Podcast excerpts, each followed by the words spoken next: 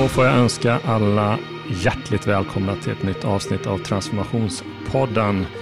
Jag som håller i dagens avsnitt heter Johan Lager och jobbar som innovationsledare på Hello Future. Och vad innebär det egentligen att kalla sig innovationsledare? Det här relativt nya begreppet ska man väl säga eh, som börjar komma upp till ytan i diverse jobbannonser och diverse sammanhang. Eh, det blir mer och mer populärt och eh, kärt barn har också många namn. Innovationscoach, eh, innovation manager och så vidare.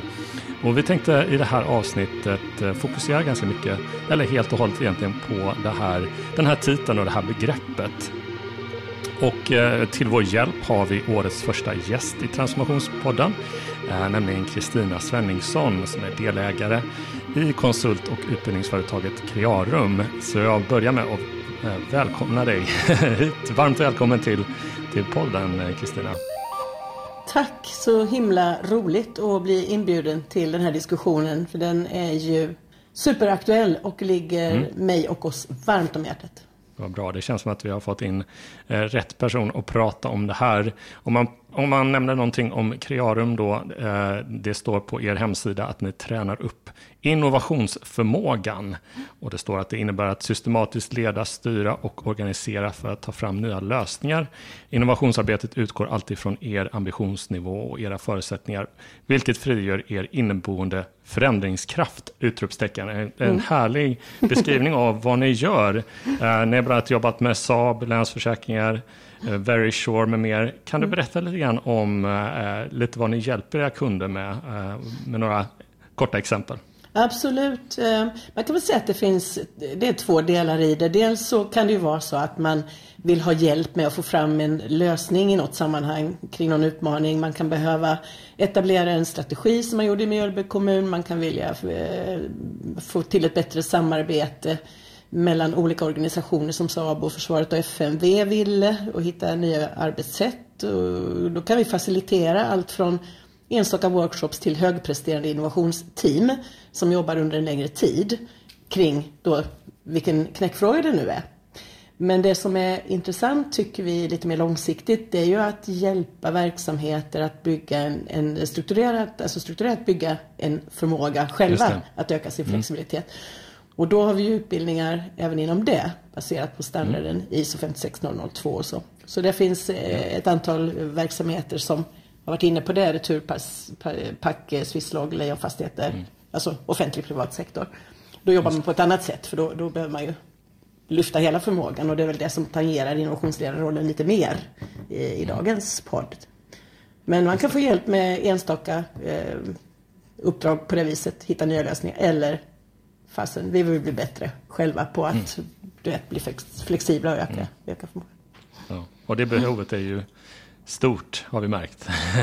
Ja, Både i privat och offentlig sektor. Ja. ja. Och kombinationen av, alltså kombinationen mm. tänker vi att alla vi träffar har ju rätt slimmade organisationer.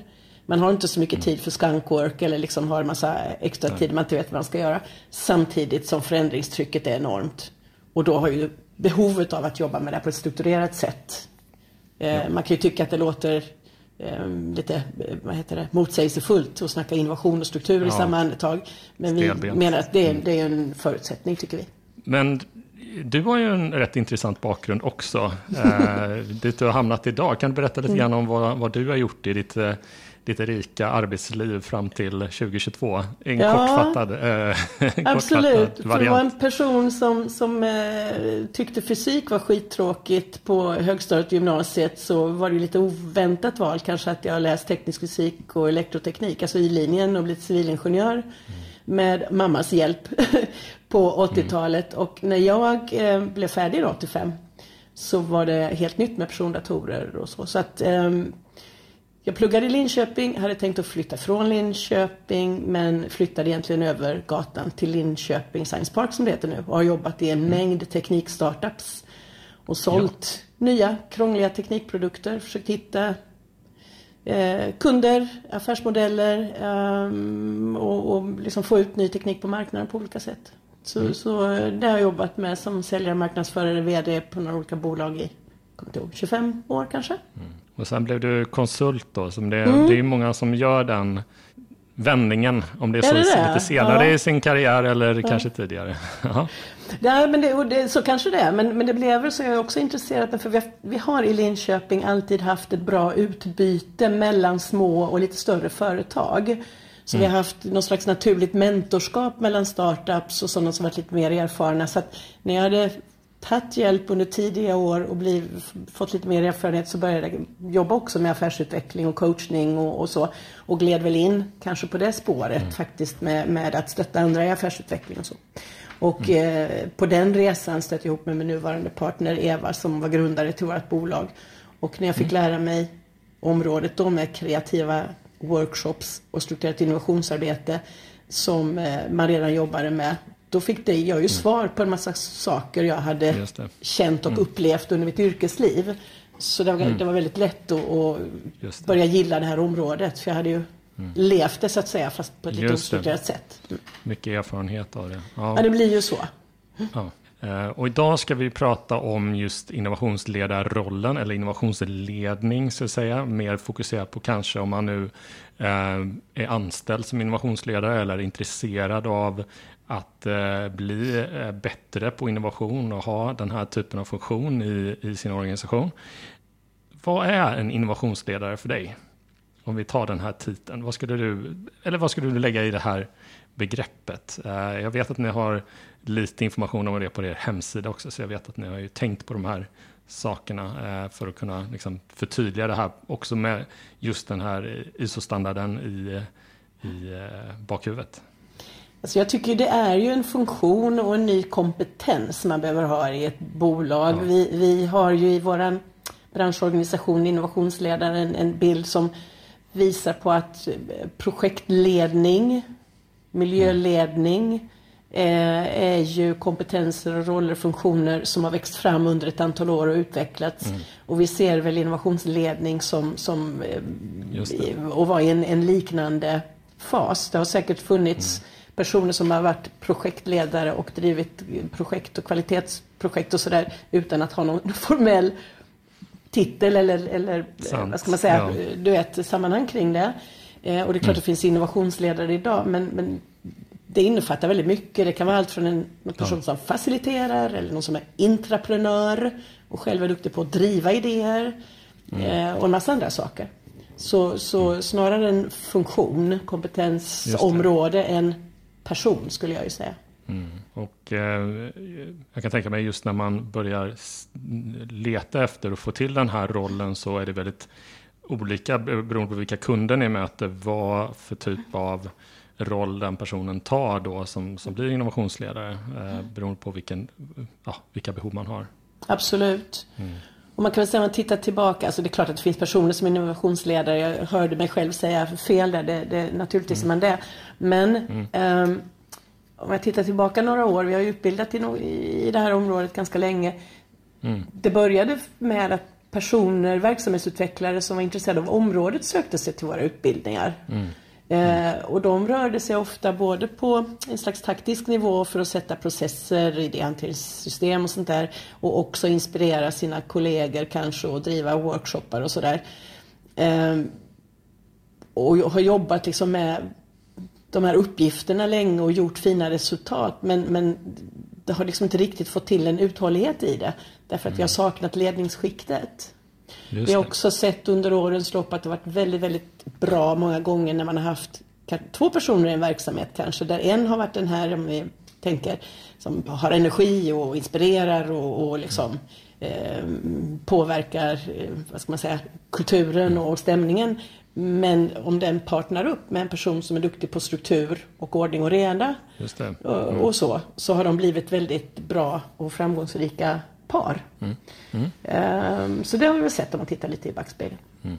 Och du nämnde ju då också ISO 56002 standarden där och eh, alla som, som lyssnar regelbundet på vår podcast eh, vet ju att vi är ju ett eh, jag ska säga, stort fan av den. Vi, vi försöker jobba utifrån den och det gör ni också.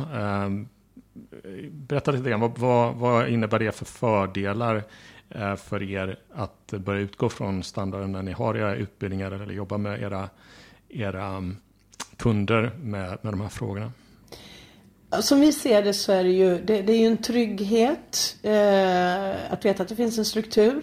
Standarden i sig innehåller ju alla komponenter från omvärldsanalys eh, och samarbeten, ledningens roll, kulturens processer, metoder, kompetenser. Alltså den, den täcker ju och visar på hur eh, brett eller omfattande området är. Mm. Eh, det ger en gemensam terminologi.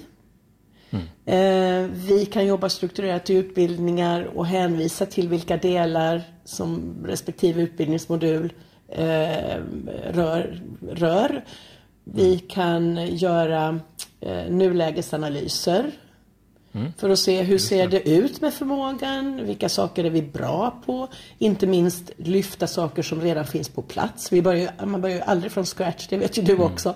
Det mm. finns ju alltid mycket eh, som händer och mycket arbetssätt och mycket bra saker att plocka upp och då kan man synliggöra dem kopplat till mm. standarden. Eh, och utifrån det också se, men givet vår organisation, vad behöver vi förbättra? Vad är viktigast att göra nu?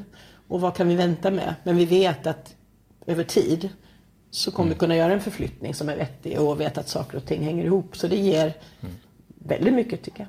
Ja, en sak som jag tycker är en, en, en av många fördelar är just med Eh, jag som jobbar mycket med innovationsmetodik eh, och den här typen av snabbrörliga eh, sprintar och testa, prototypa liksom i konceptfas och, och, och, vet att det är många som har liksom populariserat tjänstedesign även i offentlig sektor och, och större organisationer, att det sätter snabbt den här, den här Ja, men lite nya sättet, eh, process, eh, den här nya processen som man börjar använda de verktygen, man sätter i ett sammanhang där man tar hänsyn till eh, strategiskt arbete, man tar hänsyn till faktiska liksom, produktion av, av resultat och kultur och andra delar.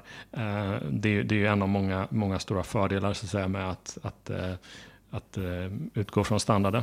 Mm. Jag vet inte hur du känner för jag tycker också kopplat till det du sa att det hjälper oss också att ställa lite krav på varandra så att säga. Vi kan ju uppmana mm. våra kursdeltagare som jobbar med de praktiska frågorna att ställa frågor till sin ledning för de behöver ju veta vad har vi för strategi, har jag resurser och befogenheter, mm. eh, vad har vi för värdeskapande som vi ska jobba mot. Och då kan mm. man se till att den dialogen funkar bättre och att även ledningspersonerna förstår Mm. vad de kanske behöver göra och synliggöra. Så jag tycker dialogen upp och ner och fram och tillbaka i verksamheten Precis. kan bli tydligare. Man kan hjälpa varandra ja. att ställa rätt frågor och ja, du vet så. Ja, och, och, och se till att eh, eller man, man, man får kanske större förståelse varför saker och ting fastnar på vägen någonstans. Ja, för man visst. ser, man kan liksom skruva på det här maskineriet lite grann. Mm. Eh, men det är såklart en, en kontext eh, som är bra när man mm. pratar innovationsledning. För mm. det gör också att man har då börja standardisera den här rollen. Mm. Eh, och man kan certifiera sig som innovationsledare. Yeah. så vidare. Det finns en, en eh, organisation som heter Innovationsledarna. Mm. som också har tagit fram en hel del bra underlag så vidare. och jag tänker så här, för mm. att sätta det här lite bryta ner det här lite grann mm. så ska vi, ska vi titta på det. Jag fick en förfrågan på eh, Eh, från en, en, en, eh, kund som vi jobbade med förra året, som eh, var nöjda med arbetet, vilket var väldigt kul för oss och mm, speciellt vi som jobbade i det här projektet. Och de, de bestämde sig för att de vill på projektbasis anställa en innovationsledare och då kontaktade de mig eh, för att eh, få lite, få lite feedback på jobbannonsen, vilket jag tyckte, jag tyckte var bra. Och jag, som sagt var, jag sa inte till dem vad de skulle skriva, utan jag bollade lite grann. Och, ehm, men det är ju svårt att skriva en sån här jobbannons, eller det är mm. svårt att och definiera själv vad det är man är ute efter. Mm. För det är många olika saker som man behöver hjälp med och var ska man hitta en person som kan göra allt det här eller hur ska man då utbilda personalen att kunna, eh, kunna göra det. Eh, mm. Och jag har också tittat lite grann på LinkedIn inför det här avsnittet och sett lite grann vad det finns för annonser ute på eh, både i offentlig sektor, i privat sektor eh, kring eh, om man söker då innovationsledare eller eh, som sagt var, eh, kärt barn har många namn. Innovation manager, konsult, innovationskonsult vet jag att det var någon som, som sökte efter. Projektledare med innovationsinriktning. Ja, eh, och eh, när jag eh, också läser den arbetsbeskrivning som kommer från innovationsledarna och de sex olika punkter så tänker jag, eller jag, jag, tänker på en scen från Sagan om ringen, den har du säkert sett för länge sedan, en gammal film, där då Bilbo säger till Gandalf i en scen då I feel thin, stretched like butter scraped over too much bread. Det vill säga, det här är en person som Eh, dels ska du uppnå alla de här olika kriterierna eh, och eh, samtidigt kanske ha branscherfarenhet och dessutom vara en trevlig samarbetsvillig person som funkar i organisationen. Så jag skulle säga att det finns en liten röd flagga, en risk när man ska ta på sig det här och försöka hitta det. Att det är svårt verkligen att hitta en person som som kan, kan göra allt det här. Och eh, utifrån arbetsbeskrivningen som innovationsledarna har, jag säger att inte att den är, den är väldigt bra gedigen så sett, men eh, då, då handlar det om att kunna uppgradera en, eh, och jobba med en innovationsvision, ett mm. visionärt och strategiskt arbete i, och ha bra kontakt med olika key stakeholders som det står. Eh, man ska kunna jobba med att ut, eh, utveckla eh, organisationens innovationsprocess och kunna koordinera den också med resten av organisationen. Man ska också ha ett metodansvar, kunna utveckla verktyg för innovation i verksamheten. Uh, initiera, följa upp och driva innovationsprojekt och initiativ i verksamheten. Uh, men dessutom så ska man vara duktig på att uh, vad heter det, upprätthålla eller nätverka fram olika typer av externa relationer för att få till sin innovationsförmåga. Men också till slut också, var bra på att ut, utveckla organisationen så att den är innovationsvänlig och eh, idérik.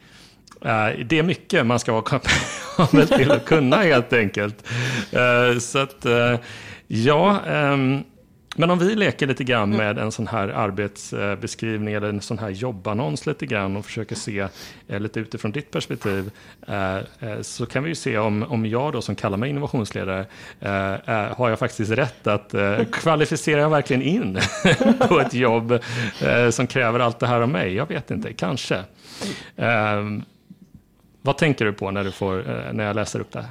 Jo då, nej, nej, det är ju ett, alltså det är ett skitroligt område som eh, inkluderar alla möjliga människor och kompetenser. Eh, I certifieringen, om du har läst kriterierna, så ska man behärska mm. tre av sex områden. Just. Det finns ingenstans liksom en eh, person ska uppfylla allt det här. Det är ju rätt orimligt. Eh, så naturligtvis så behöver man ju tänka bygg team och vad är det vi, vi, vi saknar ja. mest? Alltså vad är det viktigaste att lägga på axlarna på en en uttalad eh, roll som innovationsledare mm. så att säga, eller att leda innovationsteamet kanske. Mm. Sen har vi också, bara som en passus, eh, när vi har diskuterat bland annat med personer på eh, Region Östergötland, landstinget, när vi började snacka om det, så vi vill inte ha en roll till. Det räcker med roller mm. liksom. Däremot verksamhetsutvecklare kanske med innovationskompetens. Mm. HR-personer med innovationskompetens kommunikationspersoner med innovationskompetens. Alltså de flesta utvecklingsroller och stödfunktioner som HR och kommunikation exempelvis som också alltid ska vara med, ekonomer inte minst, behöver ju också ha insikter i området. Ja. Ehm, och dessutom om man säger så här, om man tror att nu ska vi hitta den här gurun. Ehm, vi har faktiskt en kursdeltagare som fick lite feeling vid något tillfälle och tänkte att hon skulle kalla sig för innovationsgud. Den missade du. den missade du. Vi lägger, till, vi lägger till den här också. Här, Tycker jag. Vi, ja. Men, men eh, om vi tror att vi ska lägga alltihop det på en persons axlar så tänker vi fel. Men någon kan ju vara ansvarig. Ja. Men, men såklart. Men, men det är väl lika bra att tänka team från början. Mm. Eh, det blir oerhört sårbart mm. om man har en person. För som jag sa inledningsvis, de här enstaka personerna som kanske kom och gick våra kurser för tio år sedan när de inte fick stöd från ledningen, de orkar ett och ett halvt, två år, sen kroknar de ju och försvinner till nästa ställe. Va? kan ju vara bra mm. för oss för då får vi en ny kund. Men för verksamheten kanske det är bättre att befästa mm. funktionen så att säga. Mm. Så att eh, du får se om du prickar av tre av sex Johan. eh, mm. i så fall. Mm, just det. Mm. Bra att, att understryka det, att, att man kan försöka eh, se lite grann utifrån var den här personen ska röra sig någonstans. Mm. Uh, och jag vet, jag tycker det är jättebra det du säger att, att tänk att det ska bygga, att, att tänk långsiktigt, tänk att man ska bygga ett innovationsteam mm. med innovationsledare som kan lite olika mm. uh, saker. Och jag vet det som från mitt tidigare arbete då vi byggde ett innovationsteam, att vi, det var ganska tydligt att det var en person som var uppe väldigt mycket och jobbade med visionsdelen, mm. eller vi jobbade med ledningen, uh, hade kommunikation med ledningen, försökte förklara vad vi gjorde i teamet och våra mål och vår arbetsprocess och så vidare. Eh, jag själv var just, eh, hade just den här eh, processansvaret bland annat och att iscensätta eller sätta igång olika typer av initiativ. Så jag hade väl kanske, ja, kanske hade tre av de här då som jag jobbade med i teamet. Så att, mm. det, det, det är ju jätteviktigt. Och jag vet att ni, ni pratar mycket om eh, olika nivåer också i organisationen, vilket ja. är ganska, eh, ganska självklart då. Men du kanske kan, eh, om vi bryter ut de här mm. eh, olika typer av förmågorna eh, som man skulle kunna lägga i en sån här jobbannons, då, om vi säger att vi ska jobba näst på, ett, på en strategisk nivå, vad, mm. vad söker vi efter då för, för kompetenser eller personer? Men ska man driva, alltså det så behöver man på strateg, alltså Standarden och dess komponenter har vi, Eva och jag, eh, sorterat in på, på de här nivåerna strategiskt, taktiskt och operativ på ett väldigt tydligt sätt. Och på mm. den strategiska ledningsnivån så handlar det ju om, precis som du var inne på, eh, hur, alltså varför är innovation viktigt för oss? Hur skapar vi värde? Vad ska vi prioritera? Eh, och hur mycket resurser ska vi lägga på det? Hur viktigt är det för verksamheten? För att mm. tycker vi inte att det är viktigt för verksamheten så kommer vi inte att ta oss tid. Då får det här, liksom, det prioriteras ner så fort det kommer ett kundleveransprojekt. Tjoff! Just det. Eh, så är det mm. borta. Va? Så att eh, Corona har ju synliggjort att är det riktigt jäkla bråttom och vi inte har något val, mm. då kan vi och då hinner vi. Det. Eh, ja. Eh, så det där behöver vi liksom återskapa på något vis som, som passar verksamheten. Så det, det ligger ju tungt på den strategiska nivån. Men det kanske inte är en individ, men då är, gäller det att ha den dialogen med så här, styrelse, ledning, kanske ägare till och med. Eh, för att förankra det. Och när man sen då fokuserar på vad man ska göra på den här nivån, då är det som du säger, hur ser vår strategi ut? Ska vi jobba i små iterationer? Ska vi köra vissa tunga innovationsprojekt eh, med hög risk som ska ligga utanför bolaget kanske så vi inte riskerar den befintliga affären? Eller liksom, hur, hur ska arbetet bedrivas i förhållande till den befintliga verksamheten? Ehm, och sen dessutom så ligger det ju tungt på ledningen att, att verkligen stå bakom strategin och kommunicera och efterfråga, alltså förvänta sig mm. eh, innovation och idéer och vara oerhört tydlig på alla möjliga sätt man kan uttrycka sig. Mm. Och, och, är man då innovationsledare på den här nivån så behöver man dels se till så att säga eller säkerställa att, att kollegorna i ledningen är med i matchen mm. när det gäller det. Och också eh, kopplat till det så måste man naturligtvis resurssätta då. Har vi kompetenser och, och, metoder och tid och pengar och vad det nu är som är, är avsatt mm. och vet vi vad vi ska mäta och följa upp. Mm. Mm. Och då är det ju inte bara effektmålen, för det, vill vi, det är vi ute efter. Vi ska mm. tjäna så mycket pengar eller vi ska jobba så här mycket snabbare eller ha effektivare organisation beroende på om man är offentlig och mm. privat och vad man nu gör. Men också eh, så krävs det ju tror jag i alla verksamheter en förflyttning i hur vi jobbar och beter oss. Och det kan vi också mäta. Hur mycket tid mm. tillbringar vi med insiktsarbete med kunder eller brukare eller medborgare? Förstår vi behoven? Um, testar vi tillräckligt mycket? Misslyckas vi tillräckligt mycket? Lär vi oss tillräckligt mycket? De sakerna behöver också vara på plats. Hej, Samuel här som bryter in i ditt ordinarie program med ett snabbt tips. Lyssnar du på vår podd så har du hört oss prata om den nya europeiska innovationsstandarden ISO 56000. Att plöja igenom hela den här standarden det är ju ganska trist, många sidors pdf, så vi har satt ihop en kärnfull guide till innovationsstandarden som du kan få tillgång till genom att bara kika i textbeskrivningen av det här avsnittet i din poddspelare, följa länken där, fyll i ditt mejl och namn och så får du tillgång till guiden i ditt mejl. Så du behöver alltså inte ens pausa avsnittet du lyssnar på utan följ bara länken i avsnittets beskrivning. Så, åter till showen. Ja, på den strategiska nivån. Eh, ja, det, det, slog mig att det är en annan, en annan titel som dök upp på min LinkedIn ja. också. Det var innovationschef. Ja, du ser. Såklart. Eller direktör Så det det, eller ja. vice president. Ja, men det kan ju vara precis att man utbildar personer mer i chefs eh, chefsroller också, att, vara, att ja. ha den här kompetensen. För då, då kanske man inte är nere och eh, pillar i princip eh, varenda innovationsprojekt eller så, men man, man, man har den här förståelsen för att det behövs en portfölj, det behövs en styrning, det behövs en vision mm. eh, och lite hur de, hur, hur de, de sammanspelar och så vidare. Eh, Definitivt. Och har verkligen det här systemperspektivet så att säga i, i sin i sin roll. Ja, jag tänker det, för jag menar alla verksamheter nästan har ju strategidagar och strategitillfällen också. Man måste ju se till att väva in det här strategiska innovationstänket med affärsstrategierna. Mm. Det är ju inget som ligger vid ja. sidan av. Utan det här ska ju hjälpa oss att lyckas med det vi ska göra. Ja. Eh, så. Så att, eh, och se till att det hänger ihop, att det, att det stöttar affärs och verksamhetsmål mm. och, och övrigt. Men jag tänker också, men det är ju mer för att jag tycker det mm. själv, att eh, vi skulle kunna hjälpas åt att, att eh, fundera på hur ledningar och styrelser samverkar. För det, det mm. krävs ju, när vi pratar samverkan, så krävs det ju en rätt tajt dialog även från mm. ägarhåll i verksamheter oavsett om man är offentliga ägare eller om man är politiker eh, styrd eller vad man är. Så alla nivåerna behöver ju också ha en förståelse för vad det är som händer och vilka konsekvenser det får och varför vi gör det det ligger inte i innovationsledarrollen, jag bara tänker att Nej, det, det, man får ändå, inte missa ja, det. Precis. Mm. Men om vi tittar på den mm. mer taktiska nivån, vad ja. fyller vi den nivån med där? Jag tänker lite grann på eh, både organisationskultur och även eh, externa relationer och samarbeten och liksom, oh ja. eh, partnerskap för innovation som man mm. behöver och liksom hålla i den delen. Mm.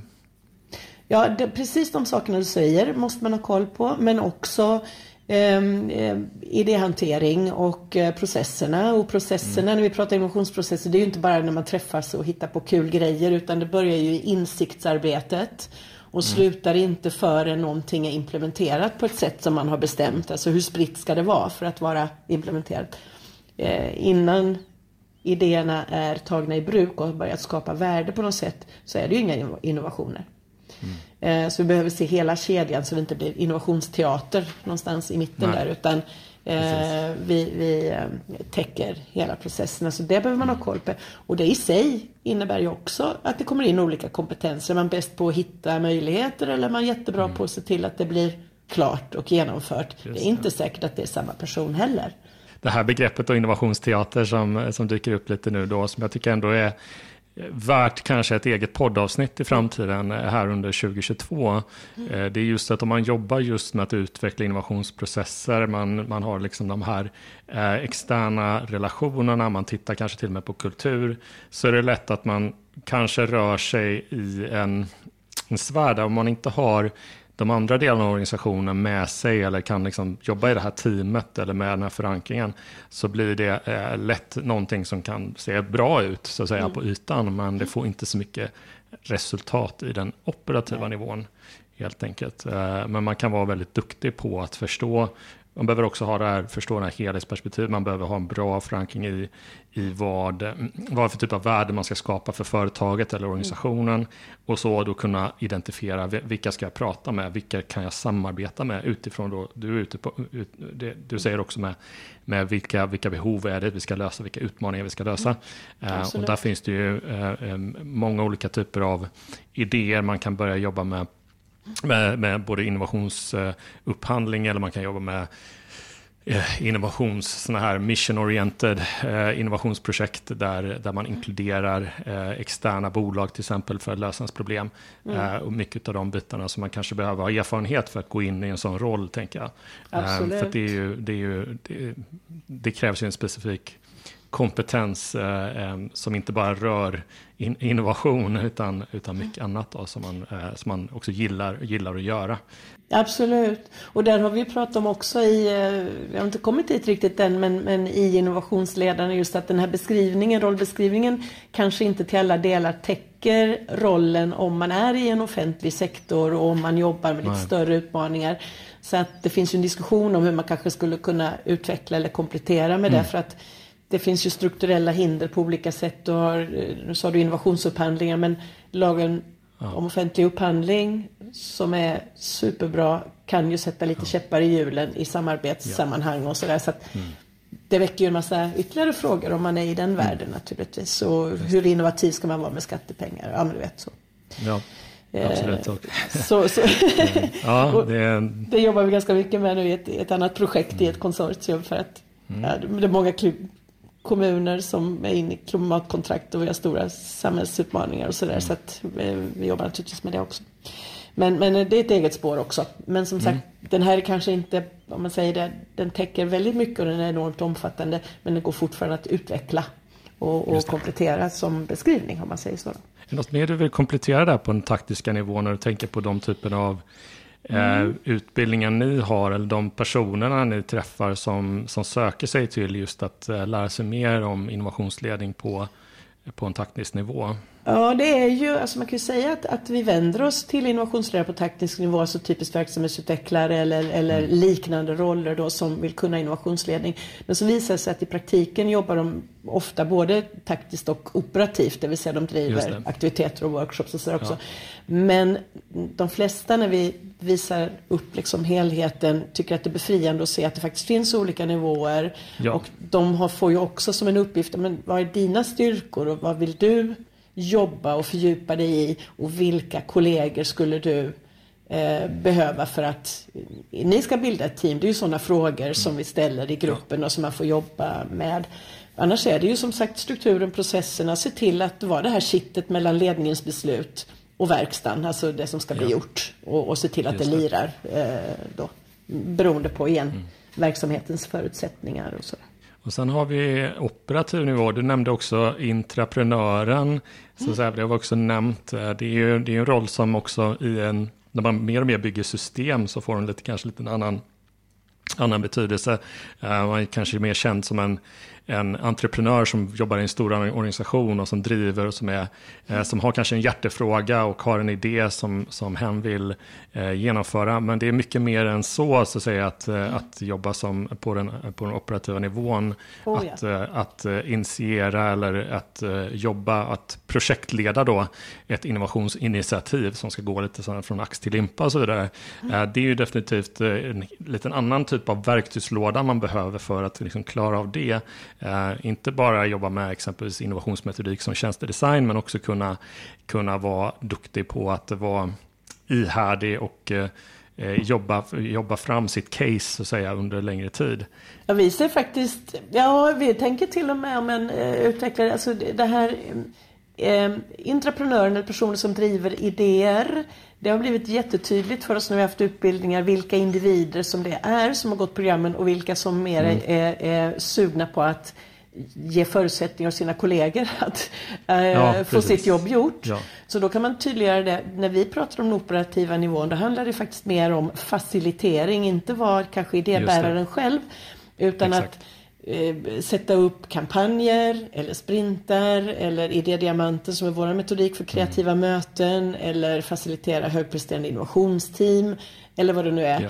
Så då är det faciliteringen av eh, mm. olika idé och innovationsaktiviteter eller insiktsarbete eller så som vi mm. lägger i den betydelsen på den operativa nivån.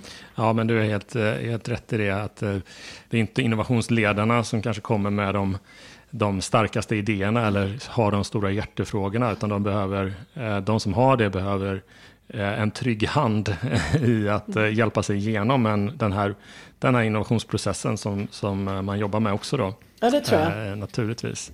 Det är slitigt att vara entreprenör eller så i, i bolag. Mm. Och det är viktigt att ta hand om dem. Men om man inte har strukturen runt omkring då blir de ju rätt besvärliga. Alltså. Eh, ska, ja men lite så och det kan kännas mm. så i, i, eh, gruppen. Man ska igenom och man ska ha fram sitt och sånt där. Om man varken har hjälp eller någon förstår vad man försöker göra så kan det bli rätt tröttsamt. Mm. Ja, men det som är bra när man har börjat få till det systematiska är ju också att man har man, man, man kan få upp en, en portfölj med liksom prioriterade områden, prioriterade Precis. idéer som, som man kan fokusera på, som har också liksom den högsta ledningens mm. välsignelse mm. säga, i, i organisationen. Uh, och uh, har man då det här eh, koll på de olika delarna så, um, så blir det också lättare att prioritera och jobba med saker som, eh, som får liksom någon typ av håll, eller långsiktig bärkraft oavsett om, om, om man realiserar mm. idéerna eller inte. Då. Ja men och då blir den här entreprenören, tänker jag, en tillgång. Eh, och ja. någon man kan liksom eh, hjälpa och stötta igenom. För det är ju fantastiskt, man behöver ju mm. den där kraften, det är jättebra. Ja. Men, men eh, som du säger, vet man att men, vi jobbar mot rätt mål, det är rätt typ av idéer. Då kan man mm. liksom organisera runt den här personen och se till att, att, att vi drar nytta av engagemanget och, och, kraften i det. För det är ju mm. fantastiskt. Men vad har vi med på mm. just den här operativa nivån av en, en person som ska gå in som innovationsledare? Jag tänker att det är också en, en Just för att undvika innovationsteatern då. Att, inte, att inte när man har börjat ta fram koncept och, och liksom det börjar utkristallisera sig vad den här innovationen kan, kan bli på sikt. Då. Mm. Att den inte fastnar i det här labblagret som vi pratar om, där, där det finns ett experimenterande, det finns ett, eh, ett utforskande och många idéer kommer till, till tal. Så när man väl har landat i någonting som har potential då, eh, att det inte fastnar eh, där. Eh, och det är naturligtvis också ett, hör ihop med att, man, att processen är väl förankrad i, i, i organisationen. Mm. Men det kräver ju någonting också för innovationsledaren ja, att, att lyckas jobba som sagt var som mellan den operativ, eller den operativa nivån handlar mycket om att också komma ner i, i verkstadslagret. Och. Och, och, och den, där vet vi av erfarenhet att, mm. att den kan bli ofta ganska svår just ja. mellan labb och, och verkstad. Och det, är, det krävs en viss kompetens eh, från en person att, att lyckas med det. Det tror jag. Sen underlättas det nog av liksom när organisationer börjar mogna och, och få en vana och sådär. Men, men äm, vi tycker ju att när, vi drar, när, när, man drar igång initiativ ska man fundera på implementeringen alltså från start och förbereda. Gärna vad, heter det, engagera personer som förväntas ta emot vad det nu är man mm. håller på med. Eh, engagera dem tidigt kanske så att de är med i processen. Det finns en massa sådana saker man kan göra i det operativa arbetet så man tänker att, att man ska även dit. Sen är det beroende på vad det är för någonting man utvecklar och gör så kan det ju hända att man säger så här, men i ett visst läge så har den här innovationsprocessen, då är den slut och går in i en vanlig projekt, mm. genomförande organisation, om det är den typen av idén. Eh, mm. Men är det andra idéer som kräver större förändringar och så, då kräver det motsvarande mer jobb för att mm. få till eh, förändringar naturligtvis. Och därför kommer vi ju inte ifrån i det här, och det har, det har blivit mer och mer uppenbart för oss på efterhand, att förändringsledning Mm. Måste ju också till kopplat naturligtvis ja. till innovationsledning. Likaväl som om nu projektledning kan förbereda produkter och tjänster för kunderna och innovationer, få fram de nya lösningarna av olika slag. Så behövs ju förändringsledningsprocesser, mm. kompetens, kunskaper för att få till själva förändringen.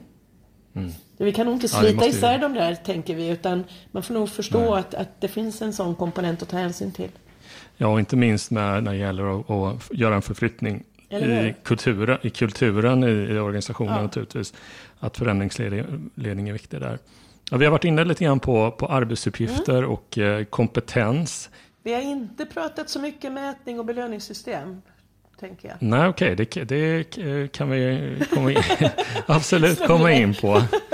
Då, då, då ger du mig en fråga direkt där. Men jag tänker bara för att sammanfatta de ja. delarna lite grann. Att, att den här innovationsledarnas eh, arbetsbeskrivning är ju väldigt bra att titta på. Om man ja. nu vill se, liksom, okay, vad är det för typ av roller, vad är det för typ av kompetenser, eh, uppgifter som, som vi ska jobba med för att få till, få till det här praktiska arbetet. Men att man, man då utifrån då den strategiska nivån, taktisk, operativ, vad man ser behov just nu, ja. väljer liksom att titta på, men då kanske de här tre av sex punkterna så att säga, som, mm. som vi ska försöka hitta i en, en, eh, i en innovationsledare som, som ska jobba hos oss eller som vi ska utbilda internt, som, som ska ta den här rollen. Ja. Men vi över till ditt spår. Ja, jag tänkte, egentligen ja. hängde det ihop lite grann med det operativa taktiska kanske, att vi missade det. Att, det. att ja. eh, det ligger ju också i rollen på egentligen alla nivåer att, att säkerställa att kulturen ändå tillåter det här arbetet. Alltså mm. allt från ledningen tillåta experimenterande, bemyndiga misstag, synliggöra lärande och sådär. Ehm, mm. och, och, även både på den taktiska och operativa nivån så behöver vi lyfta, lära, ehm, eh, synliggöra eh, saker som vi gör av Mm. olika slag. Så det var mer en komplettering som jag insåg att jag, att, att jag inte hade riktigt Mm. fått med det. Ja, men jag, jag hoppas att eh, lite det här resonemanget som vi har kan underlätta fler som sitter med den här typen av eh, förfrågningar eller pillar med den här typen av, eller ser det inför 2022 att, att det är något, man vill ha. Eh, erfarenheter är naturligtvis bra att ha också. Eh, vad, vad skulle man vilja säga?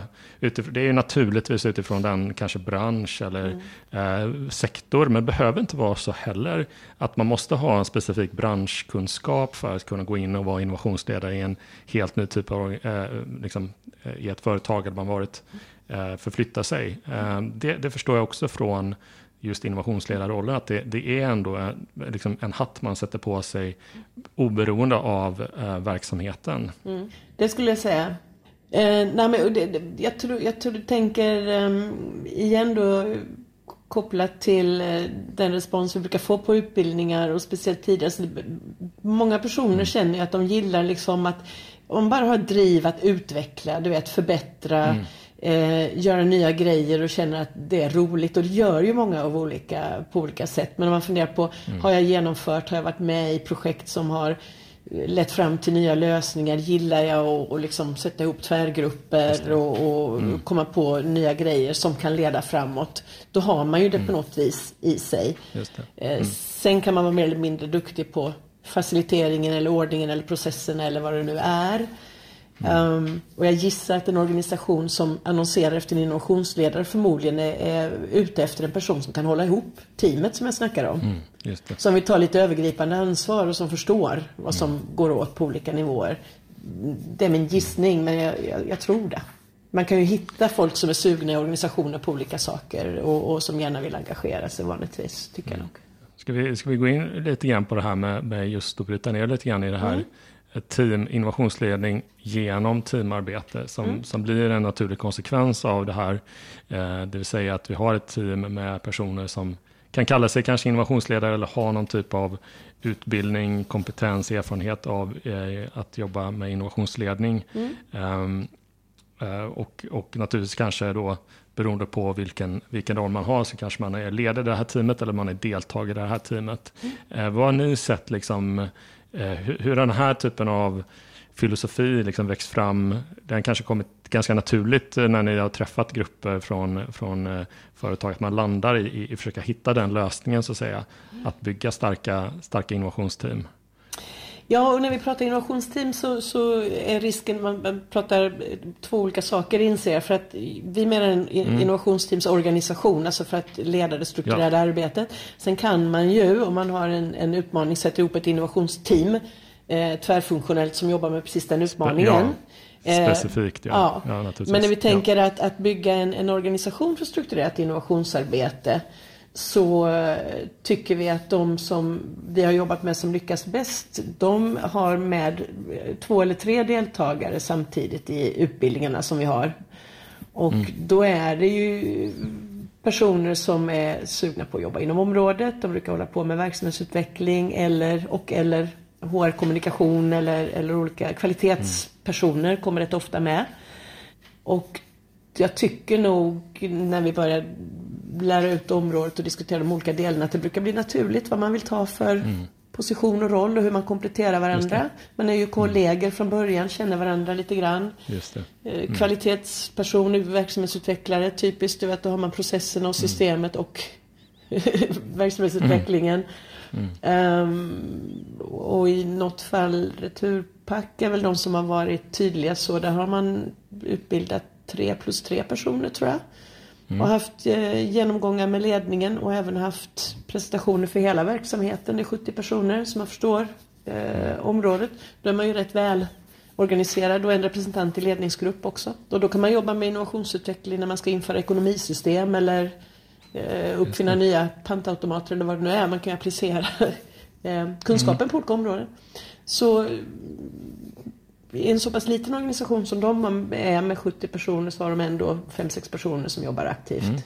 Um, kanske lite ovanligt men, men jätte, jättebra och kraftfullt. Så en, en grupp personer som vill jobba tillsammans och ha lite olika syn och insyn utbilda sig med fördel tillsammans tycker vi. Och så brukar det mm.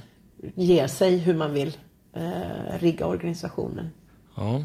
ja, vi hoppas att många av de som lyssnar på det här får ett sug nu att öka på sin kompetens inom de här områdena och eh, kanske anställa eller eh, liksom, eh, öka på den interna förmågan till, till innovationsledning. Och då kan man ju med fördel kontakta er på Crearum eller oss på Hello Future. Vi har ju olika typer av utbildningar och gör den här typen av insatser också. Mest kanske i projekt där vi, där vi jobbar med ett specifikt case, men man har också en, en önskan av att bli bättre på att leda innovation systematiskt, mm. säga, utifrån eh, ISO-standarden. Ja, vi, hur tyckte du vi, vi kom, hur fick vi ihop vår eh, platsannons till slut? Eh, den blir lite spretig såklart eh, utifrån att det, det, det beror på. Ja. Nej, men jag, hoppas, jag hoppas att man i alla fall blir nyfiken och sugen och jag hoppas också att många känner sig liksom inkluderade i att delta i det här arbetet. Mm. För att varenda jäkla verksamhet där ute måste jobba med det på ett mm. eller annat sätt. Man kan välja ja. naturligtvis om man vill göra det strukturerat eller inte. Men gör det. Det är skitkul. Mm. Det ger resultat. Mm. Ja, det finns inga nackdelar.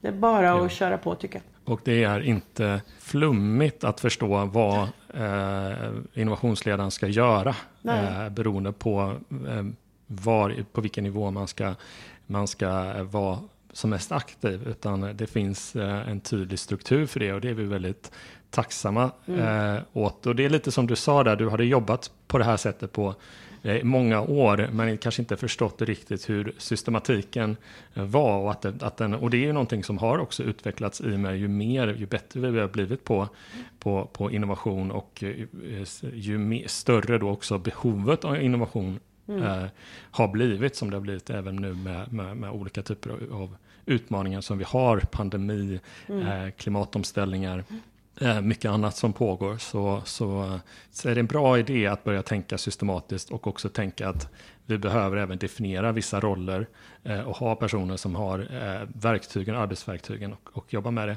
Eh, men att vi inte ser till att lägga det på en och samma person. Så Nej, jag tror det. I alla fall inte för länge, utan försök att se till att den får kompisar. För som sagt, det ger häpnadsväckande ja. resultat och det är väldigt, väldigt kul. Eh, jag får eh, tacka dig hjärtligt eh, Kristina för att du ställde upp och var med i Transformationspodden. Tack själv. Det ska bli spännande att följa ert arbete och fortsätta ha dialog kring de här frågorna och lite så här erfarenhetsutbyte. Ja, det vi avrundar på ja, det visst. sättet helt enkelt och får väl tacka lyssnarna också för att de har hängt med oss här eh, under, den här, eh, under det här avsnittet. Och eh, säga det att om cirka två veckor så är vi tillbaka igen. Så tack så mycket. Tack, hej.